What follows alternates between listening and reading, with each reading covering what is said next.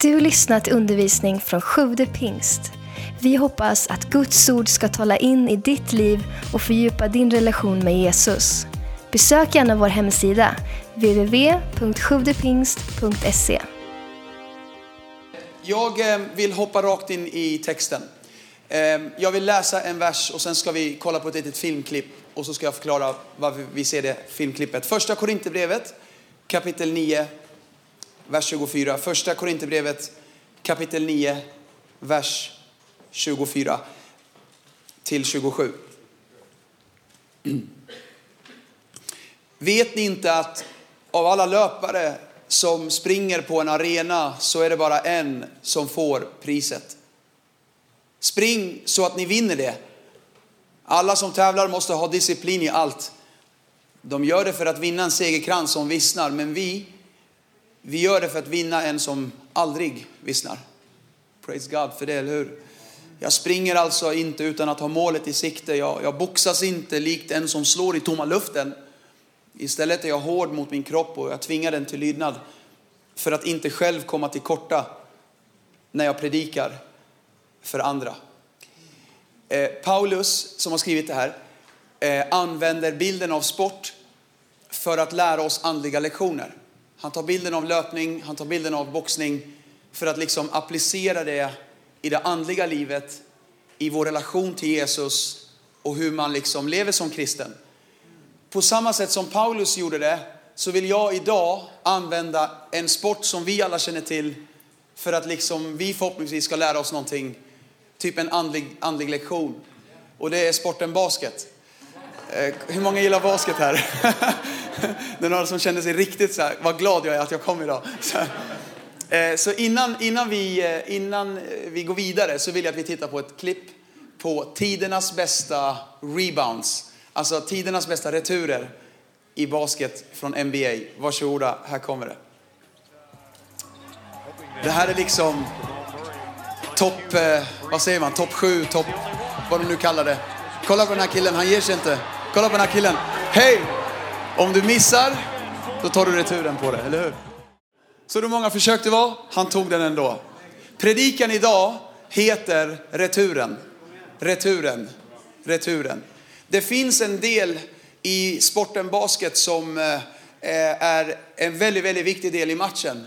Och det är när returen kommer, vad gör du då? Ehm, I varje lagbygge i NBA, högsta ligan i världen, så har varje lag medvetet sökt spelare som är starka på returer. Ehm, de måste ha starka spelare på returer. Ehm, det är en viktig, viktig del i matchen. Om du skulle kolla så här statistik i basket, då är alltid returerna nästan över poängen. Returerna är viktigare än poängen. Ehm, returerna är otroligt viktiga i sporten eh, basket. Och anledningen till att det är så, det är för att man missar fler skott än de man sätter i basket. Statistik visar att det är väldigt, väldigt ovanligt att man sätter ens 50% av sina första skott. Högsta, högsta eh, eh, på, alltså statistiken visar att högsta är i NBA 43%. Det bästa laget i NBA har 43% av första skott. I college-nivå är det 30%. I Sverige är det 28%.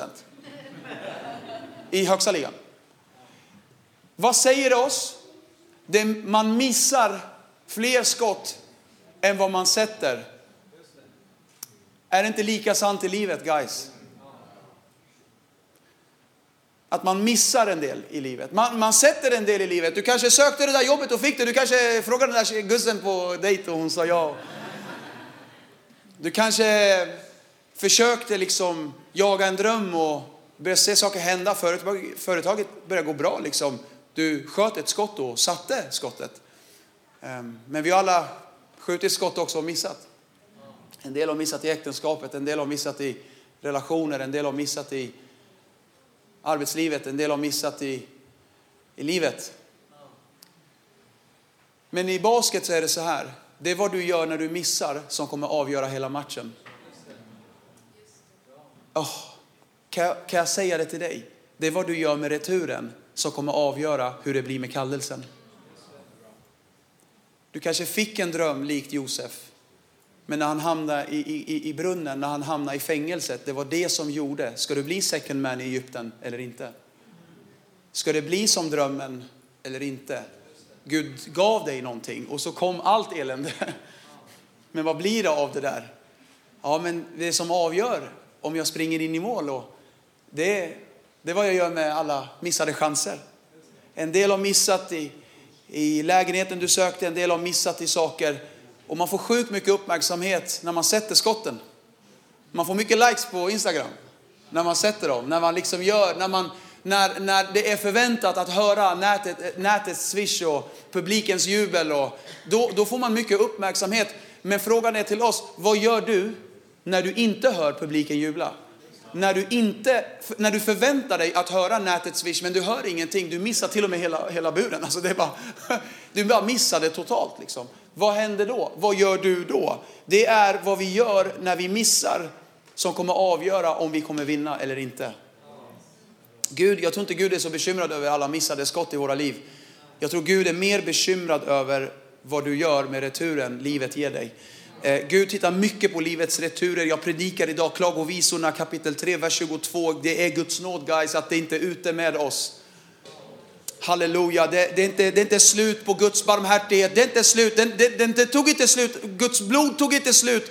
Det finns förlåtelse idag, det finns nåd idag. Det är Guds nåd att det inte är ute med oss. Det är Guds nåd att det, nåden är ny varje dag. Ja, stor är hans trofasthet. Jag predikar Mika kapitel 7, vers 7. Det står jag ska skåda efter Herren. Jag ska hoppas efter min frälsningsgud.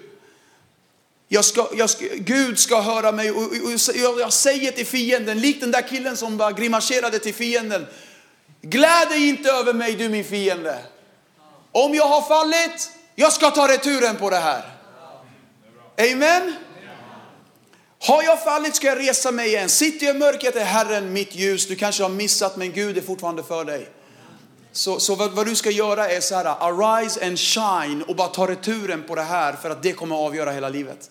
Det kommer avgöra hela, hela kallelsen. Det är inte tid att sätta sig på läktaren, det är inte tid att sluta, det är inte tid att ge upp. Bara säg Gud ge mig kraft att studsa upp igen. Tänk på den här bilden. Ju hårdare du kastar ner en tennisboll, ju hårdare den slår i backen, desto mer studs får den. Jag tror att Gud har byggt upp, ju hårdare fall, desto mer studskraft. Alltså släng ner en studsboll sakta, den studsar sakta. Litet fall, lite, liten respons. Hårt fall, hård respons. För ju mer synden flödar, desto mer kommer nåden överflöda, säger Bibeln. Halleluja. Det finns en studs i varje fall. Det finns en respons, det finns någonting Gud vill göra i varje... Det, det fienden ämnade för ont ska Gud vända till någonting gott. Ditt, ditt elände kan bli ditt budskap. Ditt mess kan bli ditt message. Ditt förflutna eh, ska inte styra dig. Din framtid kommer bli större än ditt förflutna. Amen.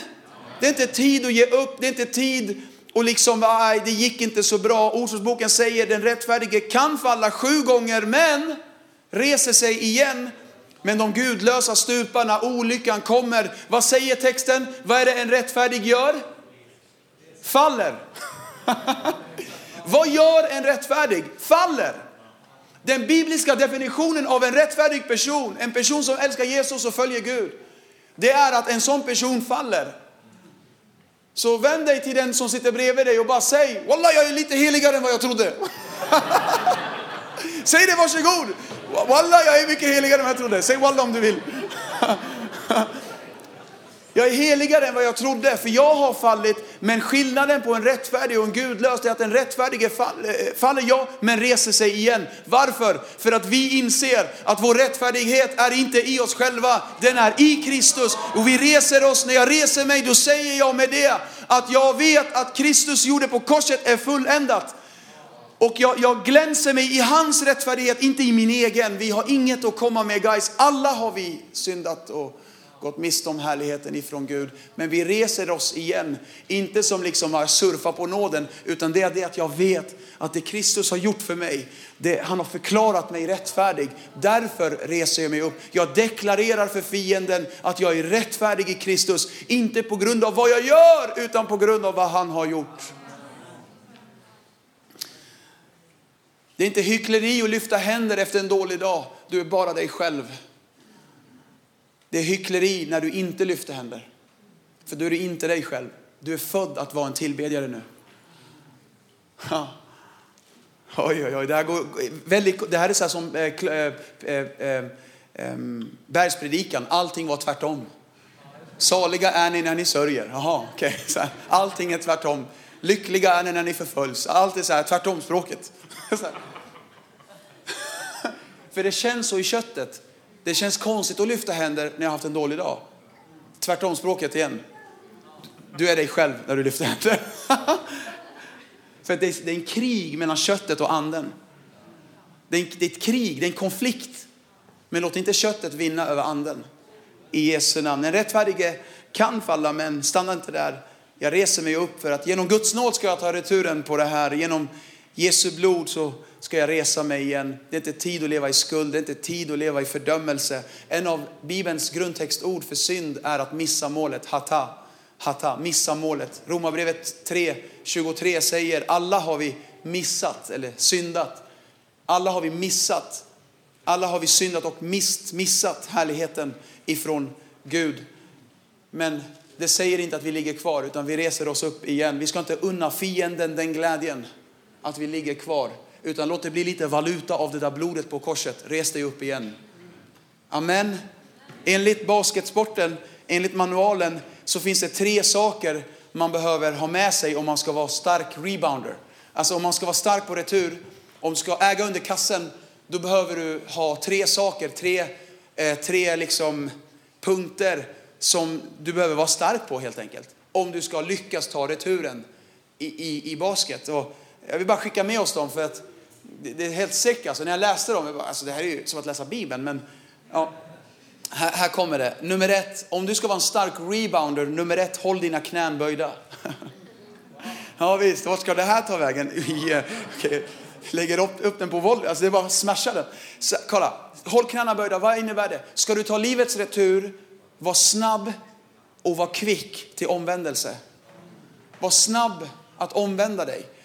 Om, om du ska ta returen i livet, om du ska komma tillbaka till Gud efter ett fall, var snabb att omvända dig. Saliga är ni när ni sörjer, sa Jesus. Det handlar inte om att sörja över att någon har dött, utan det handlar om att jag sörjer över synden. Jag sörjer över det. Jag omvänder mig och jag sörjer över det. Och så sa saliga är ni när ni sörjer, för att om ni sörjer över den, då ska ni få nåd.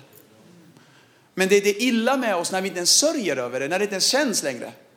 Men är jag snabb till omvändelse, är jag kvick till att böja mina knän, Saliga är ni om ni sörjer. Om jag säger Gud, jag har syndat och jag vet Gud att du inte kommer överge mig på grund av det här.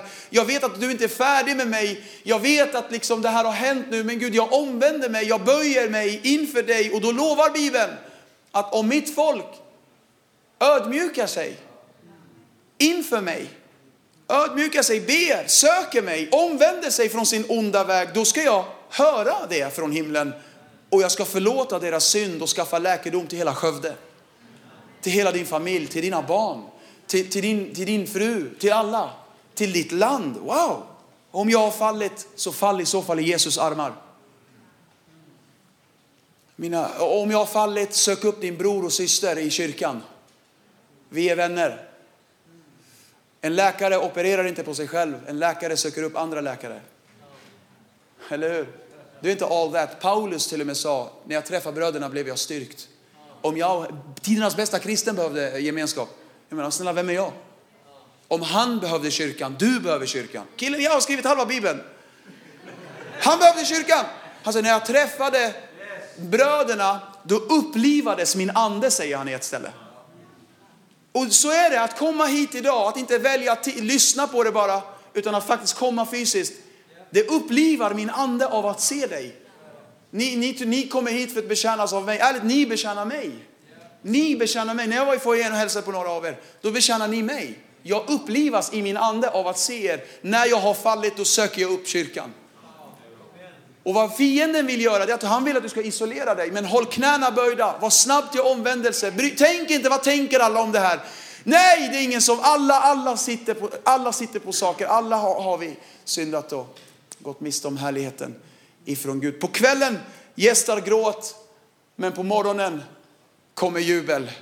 Saltaren 30, halleluja. Det spelar ingen roll vad du har genomgått, konkurs, skilsmässa. Det spelar ingen roll sorgen.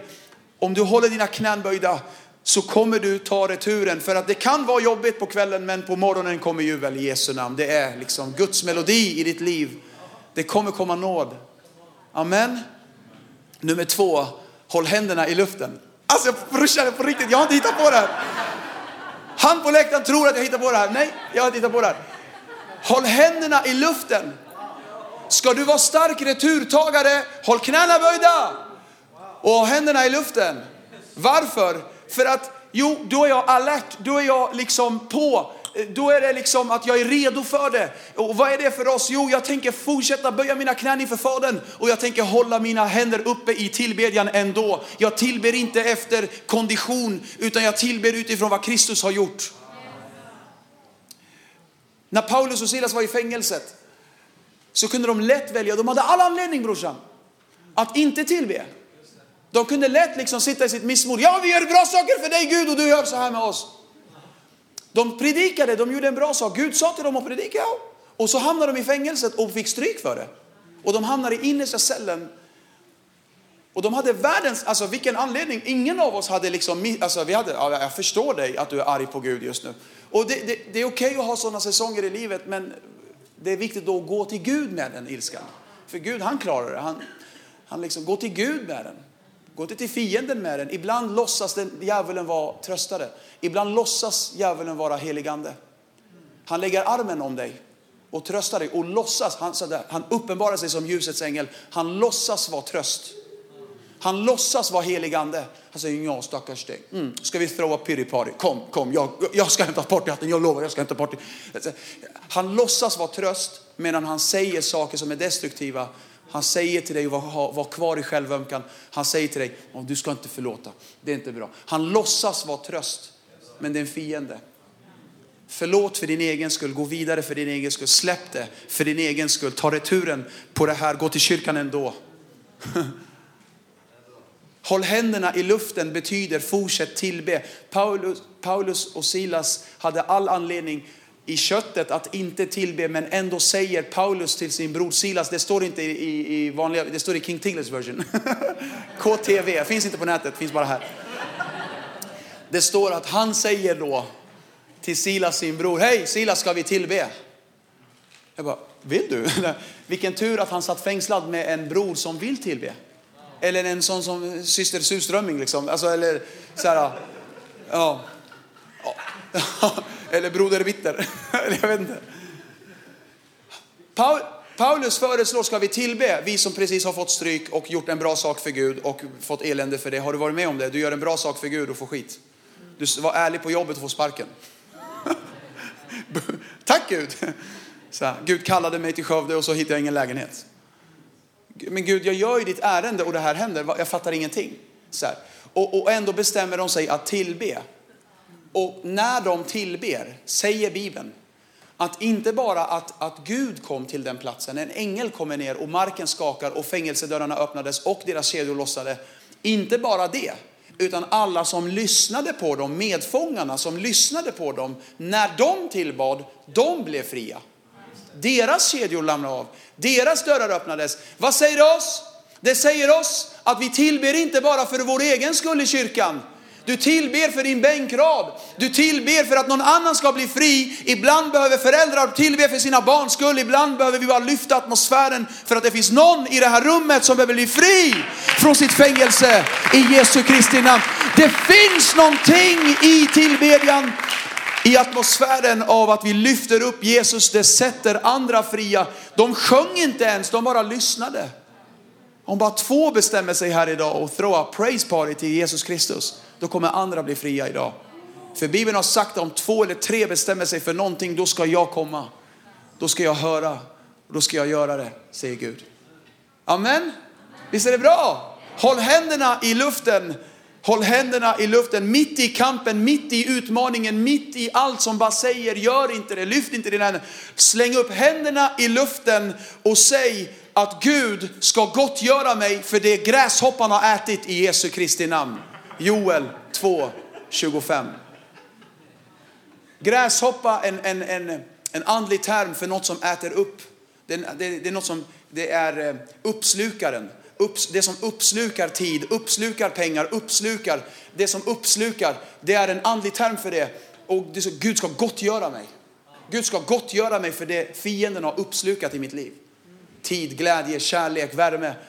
Hej, Gud ska gottgöra mig. Mitt i kampen ska jag sjunga sången och jag ska inte throw pity party, jag ska tillbe. Ibland när jag tillber så blundar jag, för när jag tittar så här så ser jag bara allting. När jag blundar då bara ser jag vad Gud ska göra. För vi lever här i tro utan att se. Nummer tre, positionera dig. Positionera dig, det här är en jätteviktig punkt. Du kan inte stå i mittcirkeln om du ska ta en retur. Du måste vara under kassen. Du kan inte vara i mittcirkeln. Du behöver stå rätt. Och ibland brukar jag dra parallellen med att man vill så gärna att Gud ska möta en, men man håller sig borta från kyrkan. Du behöver vara under kassen. Du behöver komma till altaret. Du behöver, behöver, Gud, rör mig. Gud, jag ska ta returen på det här. Jag ska inte låta det här som händer knäcka mig. Jag ska ta retur. Jag ska göra en revansch på min kallelse. Det finns så många som liksom isolerar sig och inte kommer längre och sådär. Men Gud säger positionera dig, ställ dig på rätt ställe. Att ställa sig på rätt ställe. Jag kan ta er tillbaka i mitt liv, i mitt personliga liv, där jag har mött Gud så otroligt starkt.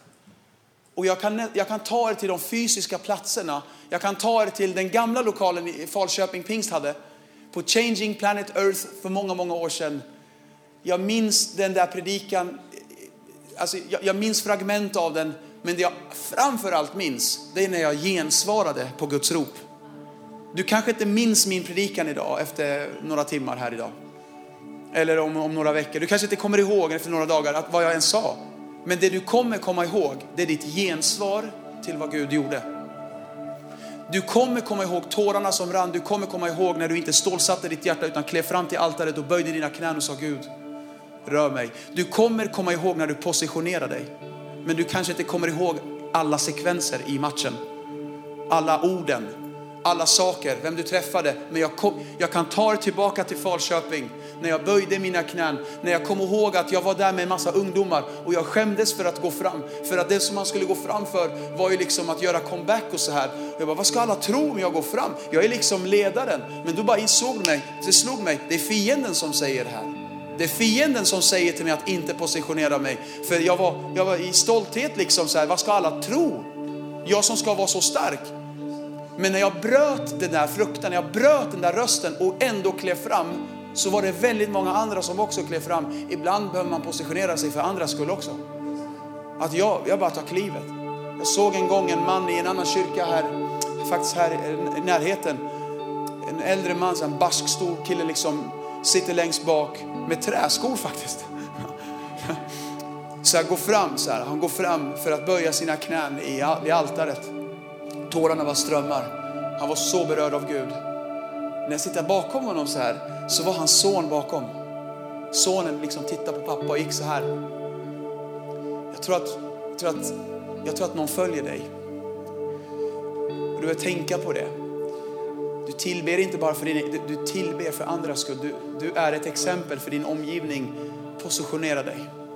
Position, ställ dig rätt. Du kan inte stå i mittcirkeln. Gå till kassen, gå och ställ dig under kassen. Stoppa, boxa. De säger, det står i manualen så här. För att positionera sig behöver man sätta ner hela foten och sära på benen. Så här och, och så här liksom. För när du särar på benen, då boxar du ut fienden. Du boxar ut fienden. En del behöver boxa ut fienden. Bara trycka undan fienden, boxa ut det, det där, det där snacket, boxa ut det. Det står också i manualen, om du stoppar eh, eh motståndarens dribblande, då, då, ökar chansen att de missar skotten. För att det, statistik visar, ju mer laget dribblar, ju mer skott sätter de. Men om du kan stoppa dribblandet, då kommer chansen öka att de missar. En del behöver stoppa fiendens allt dribblande i ditt liv. Stoppa dribblandet. En del behöver göra som Josua gjorde med de fem kungarna i Josua kapitel 10. Det står att han drog fram dem från en grotta. Han sa ta fram dem från grottan. Han krävde att man skulle ta fram dem och han sa till sina ledare, sätt foten på nacken på dem. Sätt foten på nacken på dem. En del behöver idag komma fram till altaret och sätta foten på nacken på alkoholen. Foten på nacken på splittring.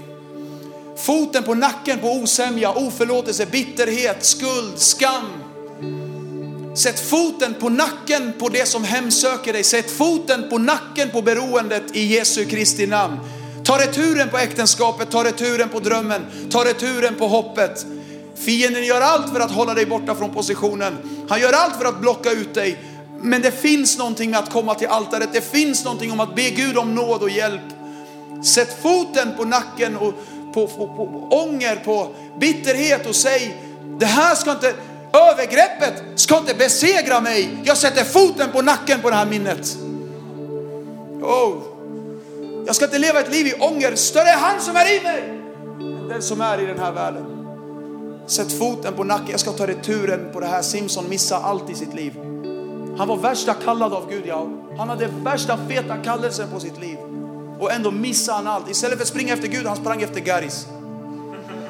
Tjejer. Garis. Ja. Han sprang, istället för att springa efter Gud, han sprang efter tjejer. Han hade jättemånga tjejer. Och han sumpade sitt liv, han, han, han ångrade sig sen. Och Bibeln säger att hans hår blev klippt och i håret fanns liksom en, en hemlighet, en, hans smörjelse liksom. Det var ett löfte, han var Guds nasir och ingen rakkniv ska komma på hans hår. Och han var kallad av Gud och han skulle frälsa hela landet liksom. Värsta kallelsen, ja. Och ändå gjorde han så fel i sitt liv. Och vi kan läsa om honom, Domarboken 16, men det står att han omvände sig, han, han positionerade sig, han lyfte sina händer, han böjde sina knän och han sa till Gud, Gud kan du använda mig igen? Du vet, det är det sista varvet som avgör hela loppet. Det spelar ingen roll hur det ser ut i mitten. Det står i vers 22, men hans huvudhår började växa ut igen sedan det hade rakats av. Med andra ord, han tog returen. Han tryckte ner sin fot, tittade upp mot himlen och sa Gud använd mig igen. Trots att jag har sumpat det här. Och vers 30 säger att de som han dödade vid sin död var fler än det som han hade dödat medan han levde. Halleluja. Om du tar returen ska Gud låta Jobb 8.7 infrias i ditt liv. Och det är ah, om din början är ringa ska du till slut bli mycket stor. Om du bestämmer dig att inte bara låta bollen studsa där utan hugg den, ta returen på den, positionera dig. Om du tillåter det kommer Gud låta dig ta returen på det här och du kommer bli större än hur du började. Om du bestämmer dig kan ditt budskap i livet, det stora starka budskapet i livet bli att jag föll ja men jag reste mig igen. Simon Petrus förnekade Jesus tre gånger. Han misslyckades tre gånger. Tre gånger hade han bollen i handen och tre gånger missade han. Tre gånger hade han chansen att bli matchens lirare men han förnekade Jesus. Han förnekade Jesus och han förnekade Jesus. Grejen är att Jesus sa det innan. Innan det hände sa Jesus att det kommer hända. Jag vet inte liksom om en tråkig profet så här säger, men prövningar kommer komma. Prövningar kommer komma. Men Jesus sa det innan, han sa Simon, Simon, Satan har begärt att sålla dig som ett vete, men jag har bett för dig. Vad har du bett Jesus? Jo, att din tro inte ska ta slut. Och när du en gång har tagit returen på det här, då ska du styrka dina bröder. Med andra ord, var inte rädd. Ta bollen igen, skjuta igen. Var inte rädd och ge det en ny chans. Vart det konkurs, pröva igen. Ge inte upp. Ge inte upp. Gå inte runt och tänk, Gud ska inte använda mig. För Gud säger, jag ska lägga bollen i dina händer igen. Och han gjorde det med Petrus, han fick bollen i handen igen i pingstdagen och han satte skottet, halleluja. Och 3000 blev frälsta. Vilken tur att han inte var kvar i missmodet utan valde att Gud, du är mäktigare än det som har hänt mig. Det finns ingen gräns på vad Gud ska låta dig betyda för människor om du bestämmer dig att resa dig igen. Låt inte, låt inte kompisarna i klassen knäcka dig. Res dig upp i Jesu Kristi namn. För han som är i dig är större. I Jesu namn, i Jesu namn. Varje familj vill jag säga, snälla ta returen på det här. Varje osämja, snälla ta returen på det här. Unna inte fienden den glädjen. Att det blir splittring. Unna inte fienden den glädjen. Ta returen på det här. Fanny Crosby och vi skulle kunna faktiskt ställa oss upp här. Och hela bandet kan komma fram. Fanny Crosby var en kvinna som Hon blev blind när hon var ett år gammal. Hon var, hon var född med, med syn, men hon, hon, hon blev blind eh, när hon var ett år gammal. Fanny Crosby levde ja, mitten av 1800-talet, där, 1850 typ. Fanny Crosby eh, är fortfarande idag eh, den som har skrivit mest lovsånger i, i, i världen. Man, säger, man tror att det är över 2000 lovsånger hon, hon har skrivit. Eh, och eh, hon, hon, hon, var, hon blev blind när hon var ett år gammal. Men, men istället för att tycka synd om sig själv och tänka varför kastar livet det här på mig? Varför händer det här mig? Istället så började hon skriva lovsånger. Och det var andra som dikterade dem och sångerna sjungs än idag.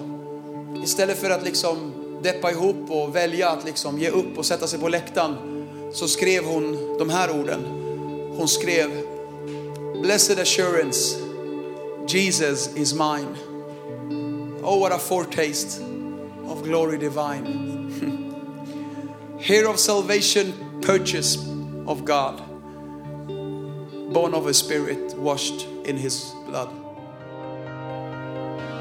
Tack för att du lyssnat. Glöm inte att du alltid är välkommen till vår kyrka. Du hittar mer info på www.sjuvdepingst.se